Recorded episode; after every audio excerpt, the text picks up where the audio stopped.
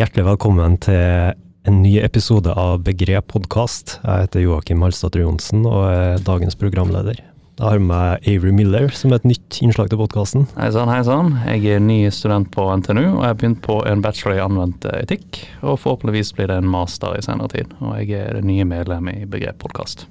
Det er godt å ha med. Og så må vi gi en liten shout-out til Erik Engene, som ikke får til å være her i dag pga. at han har blitt syk. Eirik kommer til å komme på senere episoder, og vi ønsker han hjertelig velkommen til podkasten. Men nå skal vi vende fokuset til dagens gjest, Lars Nilsen. Hjertelig velkommen til Begrep podkast. Mange takk for det, og takk for at du inviterte meg. Det er bare hyggelig. Du kan, få, du kan få begynne å forklare, ja, fortelle litt om deg sjøl, og hva fikk deg til å skrive teksten i Begrep 3 om Heidegger og Tarjei Vesaas? Ja, jeg er jo da voksen uh, gutt fra Narvik. Uh, og uh, grunnen til at jeg begynte på, med filosofi, beror egentlig på en, en litt munter misforståelse. Vi hadde, vi hadde en fransklærer på videregående skole i Narvik. Og han syntes det var merkelig at det ikke var filosofi i videregående skole. Så han sa til oss at hvis dere vil, så kan jeg gratis lære dere litt om forberedende til forberedende prøver. For noen av dere skal på universitetet, og da må dere ta forberedende prøver i filosofi. Og jeg kan lære dere litt sånn forberedelser til forberedende prøver. Og jeg, jeg likte han læreren. Han var en av de som så oss som ikke så oss, men så oss. Så han eh, tog, gikk eh, i løpet av sju-åtte kvelder, kanskje en vinter på, da vi var, gikk i tredje klassen, gikk han gjennom filosofiens historie fra Platon og Aristoteles og opp til eh, Jean-Paul Sartre og eksistensfilosofi, og der stoppet han. Og så sa han til oss han, Jeg må nesten nevne at han var katolsk prest fra Belgia. Og, men han hadde mistet Jesus. Mistet Jesus? Ja, han hadde mistet troen. Han hadde sagt på, på avslutningsfesten eh, for eh, studentene så hadde han sagt til kompisene Tror dere virkelig på dette her? Og de, de hadde sagt ja. Og det gjør ikke jeg. Og så ble det ikke noe, ble ikke noe prest av han. Men, uh, Forhåpentligvis filosof, da. Ja, han var veldig optimistisk. Han, han sa til oss at uh, i grunnen kan du kan du sammenligne livet med en vaskemaskin. At hvis du leser bruksanvisninga, så må du være idiot for ikke å få det til. Og da tenkte jeg at det var en bruksanvisning der, og at filosofi var greia. Og slik begynte det for meg, da. Slik, ja, slik begynte filosofiinteressen for meg. Da kjøpte jeg meg uh, Bjelkes 'Filosofiens historie', og etter hvert også Arne Næss 'Filosofiens historie'. Og, og, og ja, ja, så ble, ble, det til at jeg studerte noen andre, studerte norsk og, norsk og historie. Eh, og, og, min mor ville at jeg skulle lese biologi og gå inn i skoleverket og bli lærer, men, men så, så, døde min mor. Da det, det falt den, den veggen eh, ut. Eh, og presset falt også ut. Og de som var smartest i, eh, på universitetene syns jeg, da, i, i 1972, 3, 4, det var jo filosofene. Mm. Det, det, var jo de som var de Jeg flyttet til Tromsø, og der var det en gjeng med veldig veldig fine filosofer som jeg kjenner og er glad i den dag i dag. Så da hoppet jeg på grunnfag der, og begynte på grunnfag der, og, og, som det het den gangen. da. Og så fortsatte jeg med mellomfag her i Trondheim, pluss et par andre fag. Og etter hvert også et hovedfag i filosofi som det tok mange, mange år, dette her. Du kan si jeg kom til Trondheim eh, for å lese mellomfag i filosofi i 1978. Og ni år senere, i 1987, så avla jeg eksamen til hovedfag i filosofi. Ja, dæven. Men da hadde jeg gjort mye rart innimellom. Jeg måtte jo tjene til Bli jo kasta ut i arbeidslivet i, i 20-årsalderen her i landet. Så, så, jeg måtte jo Ja, det var, det var, jeg gjorde mye annet da. Men jeg hadde sverga på at jeg skulle ta en høyere grad i filosofi. Og så fikk jeg et stipendium og reiste utenlands. Og da var det ikke noe press noen steder. Da, ikke skjønte jeg hva de sa rundt meg heller, for det var i Krakow i Polen, dette her. Så da fikk jeg skrevet 150 sider som jeg sendte hjem. Men dette var i Krakow i Polen. Ja. Eh, Hvilket eh, årstall var det? Det var under unntakstilstanden, altså i 1985. Ja, det var det jeg lurte på. Ja. Noen år før Berlinmuren hadde falt. og det var, uh, Jaroszewski var sjefen, Ja. og, og, og solidaritet var forbudt. Det- ja, Hvordan eh, var det med mm, eh, fri flyt av diskusjoner og ideer og sånt på, uh, På universitetet var det greit. Det var greit, ja? Ja. Okay. Det som var, Men polakkene, de polske ansatte på filosofisk, de ville gjerne øve seg i engelsk, og ikke Så snakke polsk med meg. Så de, de ville Jeg holdt et foredrag eller to på engelsk for dem, og så svarte de meg på engelsk, og vi diskuterte. Be my ghost, sa de.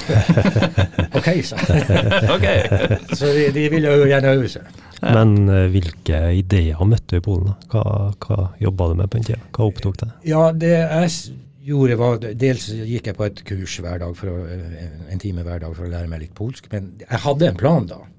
Jeg hadde allerede bestemt meg for å skrive om eh, Peter Wessel Zapfe og Arthur Schopenhauer.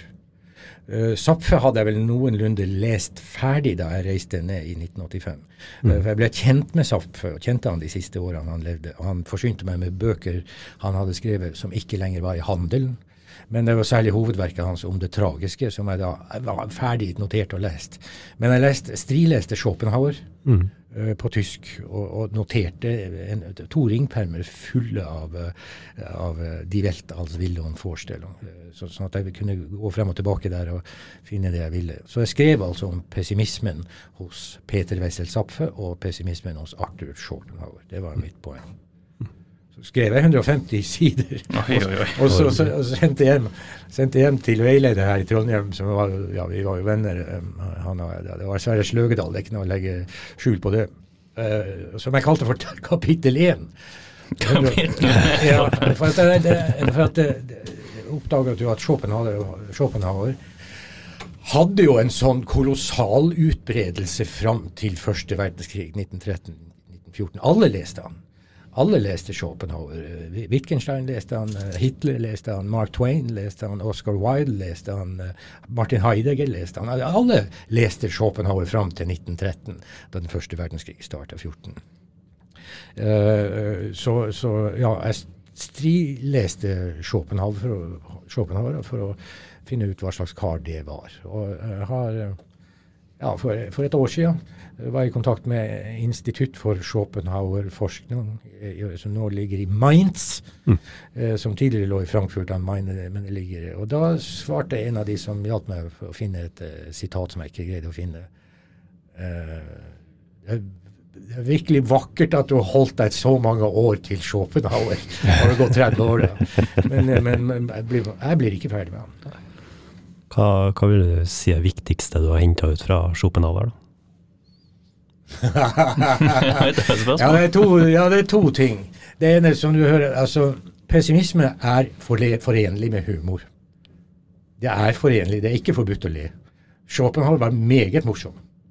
Svært morsom og ironisk. Og det andre er at han lover deg ingenting. Ikke en dritt. Altså Hvis du hører på Platon eller lever etter Aristoteles, så skal det bli lettere, dette her. Men sa Schopenhauer? sier, Det, det blir ikke bedre. Du ikke, det er den største feilen du kan gjøre. Det, det går ikke an at det blir bedre. Hvis det skal bli bedre, så må du inn i et annet univers, i en annen stjernetåke, der betingelsene er annerledes. Men det kommer ikke til å bli bedre. Men det er en del småting du kan gjøre da, når, når presset er hardt. Han var jo selv, han var jo selv eh, ja, det, Han har vært diagnostisert som sinnslidende. Altså han, han sleit. Han sleit både med seg sjøl og med å holde ut og med å holde økonomien sammen. Selv om han nesten aldri hadde pengeproblemer. Og han var frittstående. Han levde av eh, sin fars uh, forretning. Så, eh, men han hadde en del karaktertrekk som eh, ikke vil være bekjent av i dag, altså. Han, var, han kan ha en, en farlig penn. En alle penn. Jeg har lest eh, litt Schopenhauer. Jeg leste Wilson Representation på engelsk, da, ikke Ja. på originalspråket. Ja. Jeg skrev eh, Jeg er jo ny student, men jeg eh, har alltid vært litt intuistisk interessert i filosofi. Så jeg prøvde å skrive mitt eget verk som jeg kalte Individuell ærlighet. da. Og jeg trodde jeg var så lur og hadde kommet fram til noe fundert på egen hånd. Tok jeg meg en tur ned på Bergensbiblioteket og gikk gjennom filosofiseksjonen. Så fant jeg Schopenhauer Wilson Representation. Jeg kjenner meg igjen i mye av det du sier. Og han, eh, han, var, var kvikk. Skarp. Ja, ja, han var det, og, og tidlig ute også. Han var jo bare 30 år da han skrevet Mm. 'Verden som vilje og forestilling'. Så, og han, eh, andre utgaven er jo egentlig bare en eh, lett eh, forbedring av første. og Presisering og utdyping og sånn. Det er det samme poeng han hadde 40 år senere. Akkurat samme synspunkt. Så, ja, det jeg har lært av han Det blir ikke bedre. Det kan ikke bli bedre.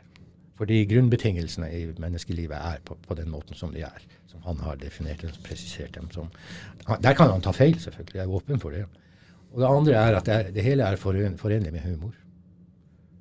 Uh, han var jo den tidlig buddhistisk inspirerte. Han var den første i Europa som leste de såkalte upanishadene, indiske eh, filosofiske verker. Og det er han som bringer det inn i eh, europeisk åndsliv, buddhistisk og hinduistisk tankegang. Det er han som bringer det inn. Det har han ikke fått noe særlig anerkjennelse for. Det gjør, gjør ikke så mye. Han skulle ønske han ble anerkjent, men, eh, men Og han ble, han ble nok den mest leste etter sin død 1860. 1860 til, til 1913-14 så var han den mest leste filosofen. De som først og fremst pussig ting. Jeg, med noen, jeg har også vært interessert i rettsfilosofi. Og, og, og da kommer jeg fort i prat med folk som skal studere juss, og folk som har studert juss. Og, og, og ja. De første som leste Schopenhauer her i landet, var dommerstanden. dommerstanden. Altså de, dommere. Eh, og hvis man tenker seg litt om, så sitter jo de der og dømmer folk. Det er jo det som er jobben deres.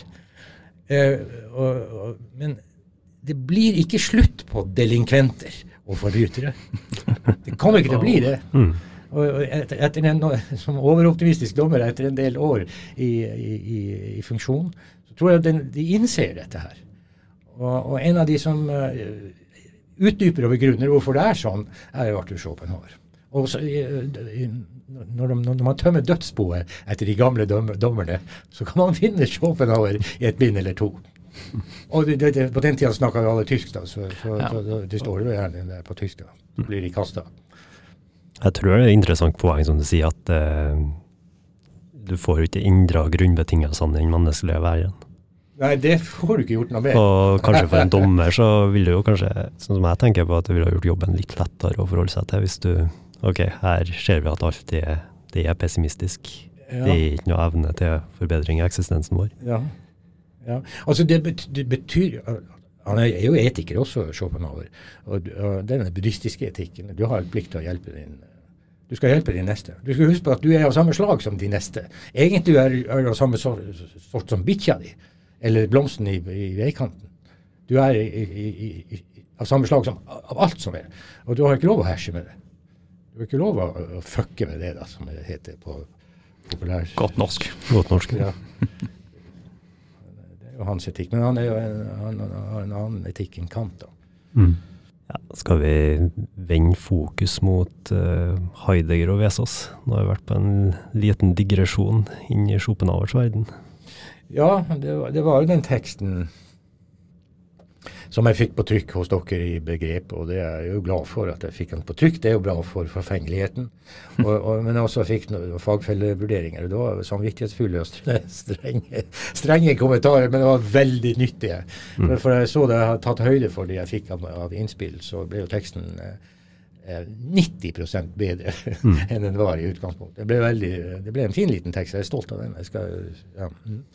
Så, så hvorfor kommer jeg inn på Heidegger? Jo, det skyldes det at i den tida jeg lagde et program i NRK P2 som het Studio Sokrates, som var et program om jazz og filosofi. Jazzens historie og filosofiens historie. Så prøvde vi å se på eh, livet og musikken til store jazzartister. Og så vi på filosofien og, og gjerne livet til eh, filosofer av forskjellige slag. Og da måtte jeg stadig finne nye, en ny twist på gammel filosofi.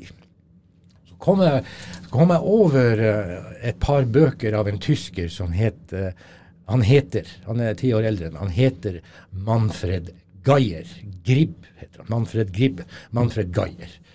Jeg, fikk tak i to bøker av han, og den ene var uh, Worüber kloge Menschen lachen. Altså hva ler de kloke av? Hva har filosofene ledd av opp gjennom historien?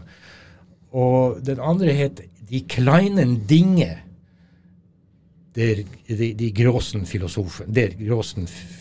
Altså de, de, små tingene som store filosofer uh, jobber med. David Jums biljardkuler, f.eks. Så da kjøpte jeg de bøkene.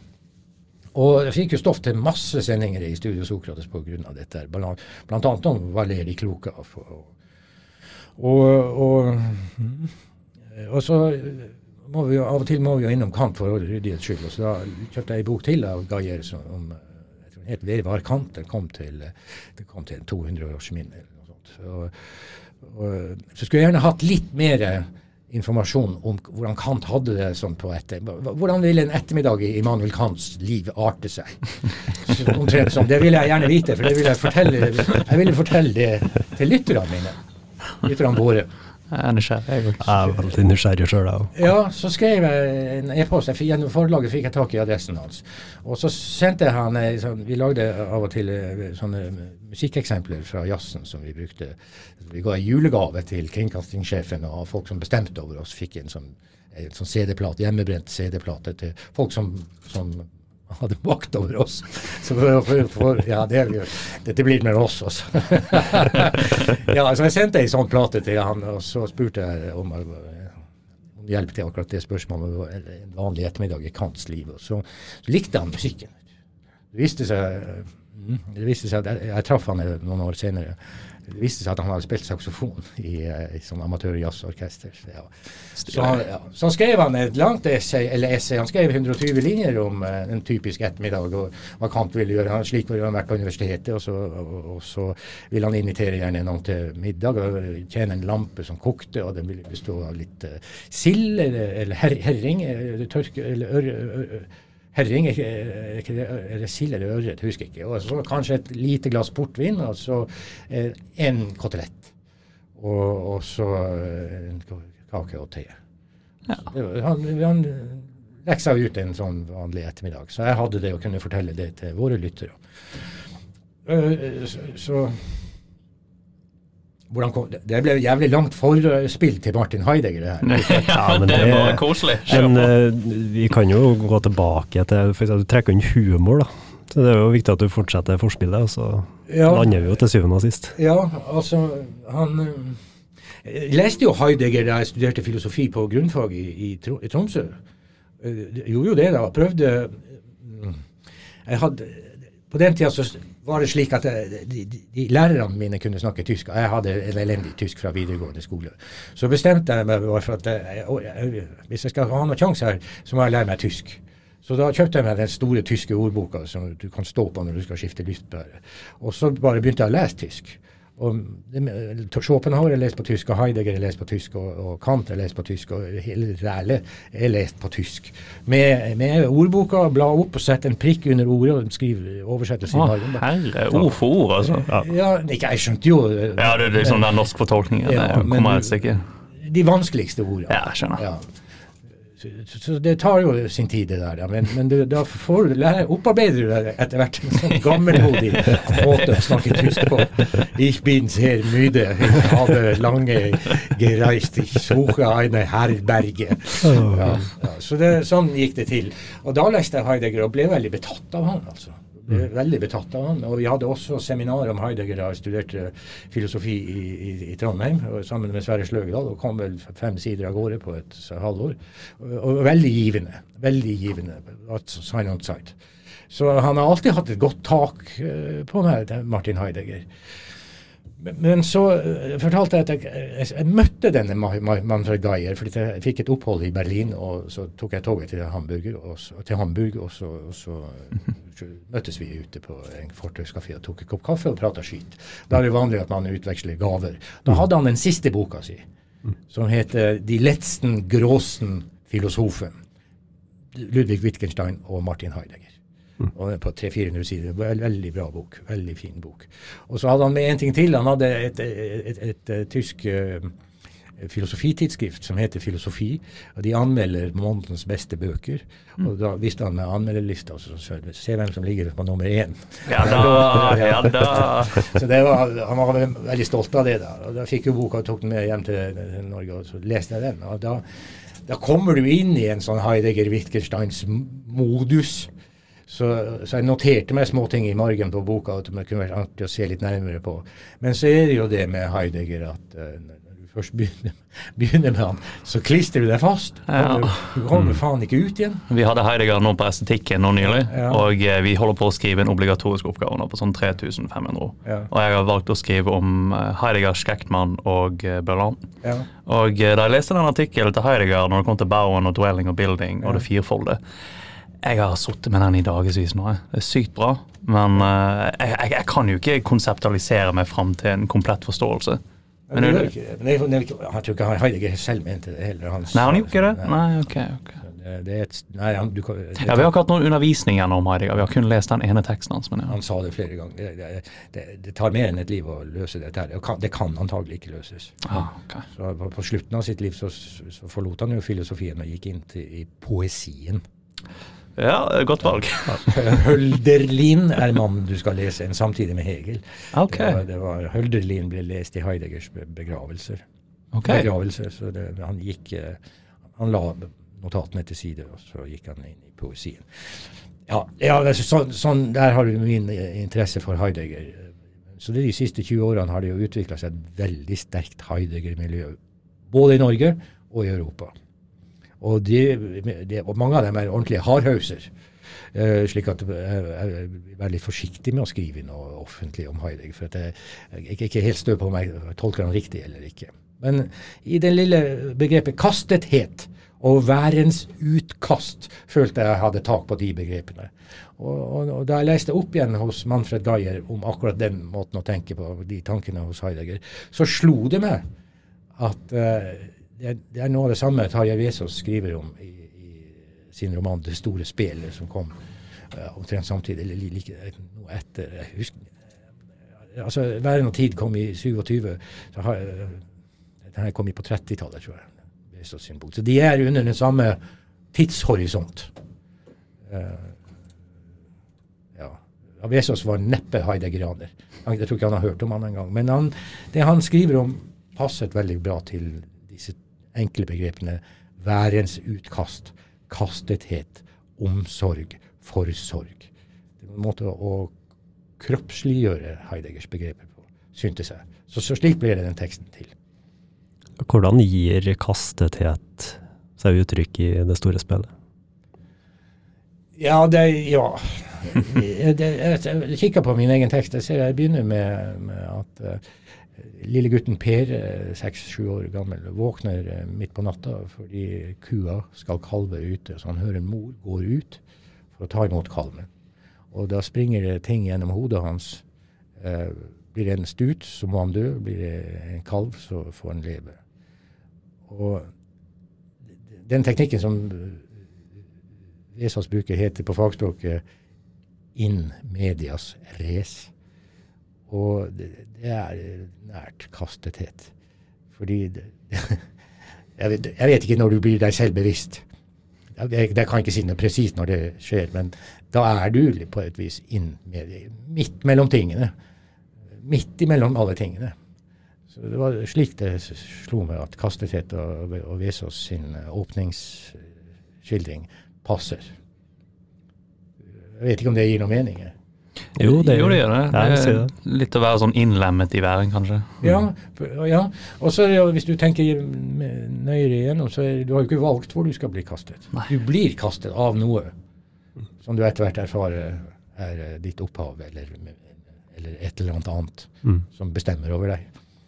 Uh, og kanskje gir deg kjærlighet. I, i, og det betyr, som jeg sier Heidegger skiller mellom oss og tingene i, i en sånn forstand at når jeg tar ut av oppvaskmaskinen og setter glassene inn i skapet, så betyr det ikke noe for glasset om jeg setter det sammen med kaffekoppen eller sammen med nålebegeret eller sammen med Det spiller ingen rolle.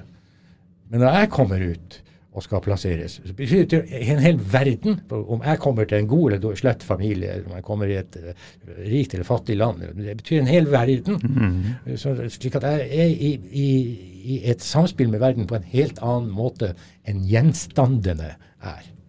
Uh, det, det, det, ikke, det, er noe, det er ikke noe originalt heller i det der. Du finner det der flere Du finner det flere steder, ja, men uh... Men han greier å skrive Og det sa jo eleven Gadamer sa hans Georg Gadamer sa at det var faen meg som et lynet slo ned i forelesningssalen. Vi, vi, vi, vi sjangla ut av forelesningen med, med, hos Martin Heidegger. Det er gode forelesninger. Ja, han greide, han greide, å artikulere det på en måte som traff dem veldig sterkt, alle sammen. altså hele den si, eksistensfilosofiske, eller den generasjonen da, som, som uh, begynte å studere etter første verdenskrig. Ja, hvordan kan, kan, man anvende det her i praksis i sitt eget liv? Er det en god, god måte? Du får ja, mye store spørsmål her nå, men uh. Man kan jo prøve, liksom, men, uh, å, å, anvende tanken om, om, dybden bak det å være, og i kontrast med det som er, og det som bare er ting i seg selv. Man kan jo anvende det, men jeg tror det kan bli litt tungt og trist. Ja, ja. Det, det, fordi at det, det er ikke noe, til syvende og slutt så er det ikke noe muntert budskap. Nei, ikke egentlig. Det, det, det, ikke, det, ikke, det er ikke noe muntert. Eh, men det er forenlig med munterhet. Det er det. Ja. Uh, hvordan skal jeg si det, da? Hvordan skal du anvende Jeg har i grunnen alltid de her tingene i hodet, nesten hele tida. Og det er, det er, fordi at jeg antagelig er kastet ut i verden på, den, på det viset. da. Mm. I det selskapet jeg ble kastet ut i, og den tiden. og det. Uh, min kone har det jo ikke. Og, og, men uh, gitaristen som jeg spiller med, han har det på samme måten. Men han, han, har ikke, han, har ikke, lest filosofi, og han har ikke begrepsapparatet. Men når vi, vi har kjørt bil sammen til, herfra til Tyskland, og da blir det mange samtaler. og Da ser vi jo at vi er, er av samme oppfatning. Altså. Det er bare det at uh, når du er på filosofi så lærer du deg et begrepsapparat ikke sant, som du er nødt til å bruke for, for, å slippe å ta alt fra begynnelsen. Kontekstualisere ting. Ja, ja. Det er jo det, en del av det nye studenter skal jo lære seg. Ja. Begrepsapparatet. Og, det er jo det vi holder på med akkurat nå. Ja, Så, og det er jo riktig, det. Jeg skrev en oppgave om, om, Hegel som jeg ikke skjønner noe av lenger. Nå. Og hun som skrev den på maskin, eh, maskinskrev den, hun var kjæresten min. Hun ble forbanna. Oh, ja. okay. Hun ble forbanna. Så det var, jeg skjønte ikke Men det betyr at hun skjønte ikke hva jeg skrev om. ja, det gjør ikke du lenger heller, da? Nei, ja, nå 40 år etterpå. Ja, ja, Skrøner. Spøker. Så det, ja, men kan man an Jeg har alltid vært av den oppfatninga at hensikten med å å lese filosofi. Og det var det lærte av han, han belgiske som ikke ble prest. Altså. Du, du, må aldri lese det for, for, bare for sin egen skyld. Du må lese det fordi det skal gi deg noe i ditt liv. Og en ting til, Lars. Du har ikke lov å gi opp en bok før du har lest minst 50 sider. Det skylder du forfatteren. Det liker jeg godt. Det liker jeg godt. Det er jeg helt enig i. Håper det gjelder min bok òg en dag. Ja, du kan jo prøve å bli bokanmelder og se hvordan det går. ja, nei, det, det, det, Hos meg har det alltid ligget et, Ja, hvordan kunne man spørre ja, Hvordan arter det seg i praksis? Går du ned i, i sykkelskuret og, og, henter sykkelen din på en heidegriansk måte? ja, I guess. Ja, det, det, er ikke sånn det er, men det, det, det ligger altså Han snakker jo, Jeg skriver også om den lille teksten om Vesaas og Heidegger. Han snakker om stemning. Mm. Og, vi, og, vi, stemmer ikke oss selv. Det, det er væren som stemmer oss. Mm. Og jeg tror væren har stemt meg sånn at disse tingene hos Schopenhauer og Heidegger og Hegel for den saks skyld, og Aristoteles og også hos Platon de, de er med i stemninga. Ja, det er nesten et brorskap, det. Og det er en litt ja. sånn fin følelse å ha med ja. seg i livet. Og de strevet hver på sitt vis med å håndtere det hele. Ja. Og, og, og det, ingen av dem fikk kabalen til å gå opp. Men uh, må bare fortsette å prøve, da. Det er det som, da, da, er du del i, et større broderskap, eller et, større fellesskap. Ja. Det er en god følelse å føle på av og til. Mm. Ja, jeg syns det. Det syns jeg. Jeg har jo noe å lene seg på. Det, Ja. jo, Ja. det kan jo gi en trygghet å vite at her har man en måte å forstå verden på. En slags Ja, kanskje. metaforisk handshake om at ja, ja, sånn er det bare. En av mine eh, tidligere kolleger i NRK som nå gjør noe annet, han, er- han er dylanolog. Bob Dylanolog. Oh, Oi, Men oi. han, men han snakker mye om bøker, og han sier bøker er, liksom kompisene mine. De står der i hylla. og Ja, ja, vet hvem det- Den vet jeg hvem det er. og vet hvem- Du kan ta den frem, kikke litt på den og sette den inn igjen. sånn. Det- Det er òg en stemning. Ja, absolutt. absolutt. De lanologer, nei, det syns jeg var fascinerende. Ja, det, det finnes jo en del av dem i Norge. Så, Ja, Kanskje jeg er en av dem, jeg er blodfan. Ja. ja, som kan mer om Dylan enn han gjør om seg sjøl. Jeg håper nok det. Men du snakker jo litt om et teoretisk begrepsapparat. Så syns du burde filosofien ha vært mer orientert mot praksis kontra teoretisering? Det, det Jeg har ikke noen sterke oppfatninger av, det. Jeg vet at i Tyskland i hvert fall, og det, i Norge har vi ja, I Tyskland så er det en sjanger som heter filosofisk praksis. Uh, og, eh, og det går ut på å la filosofien komme til anvendelse. Og det, kan, kan filosofien bidra til uh, din måte eller vår måte å håndtere uh, virkeligheten vår på? Eh, nå i økofilosofiens tid så, så uh, hørte jeg for før jul, før julen i 2020 så var det en uh, Jeg husker ikke hvor han kom fra, men, men han var i Vitenskapsteoretisk forum. og han, han, uh, han brukte til, dels Heidegger og til dels Aristoteles, og pekte på at hos Aristoteles så er det en forståelse av natur som er annerledes enn den vi fikk etter Cartesius, eller, eller Descartes. For Aristoteles er ikke naturen et reservoar av, eh, av uh, gjenstander og, og fenomen som du kan manipulere som du vil. Hos Aristoteles er det en, en, en organisme som fortjener både respekt og forståelse. Og, og, og, hans poeng, som jeg har diskutert med, med flere andre, det er en forbløffende lite snakk om Aristoteles i uh, miljøbevegelsen i dag. Hos De Grønne. Ja, ja, du verden, ja. Du sier Aristoteles til dem, så spør de Harry, Harry hvem? Hare Krishna. Ja, Harry Krishna. Så, så det, det er en forbløffende lite, eh, lite utbredt der.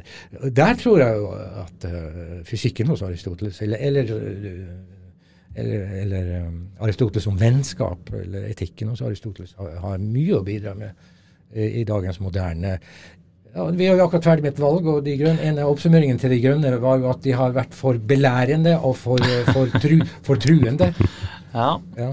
synd at det, det jo ga de et dårlig valg, da, men det er så så. Ja, men selv den beste kan gjøre feil. Ja. Så Une Bastholm. Men da begynner vi å nærme oss veis ende, så da vil jeg si tusen hjertelig takk for at du stiller som gjest, Lars. Det var bare hyggelig, hyggelig for meg at noen hører på meg uten å avbryte i så lang tid. Det er helt eh, eksepsjonelt. Ja, da snakkes vi ved en senere anledning. Det gjør vi.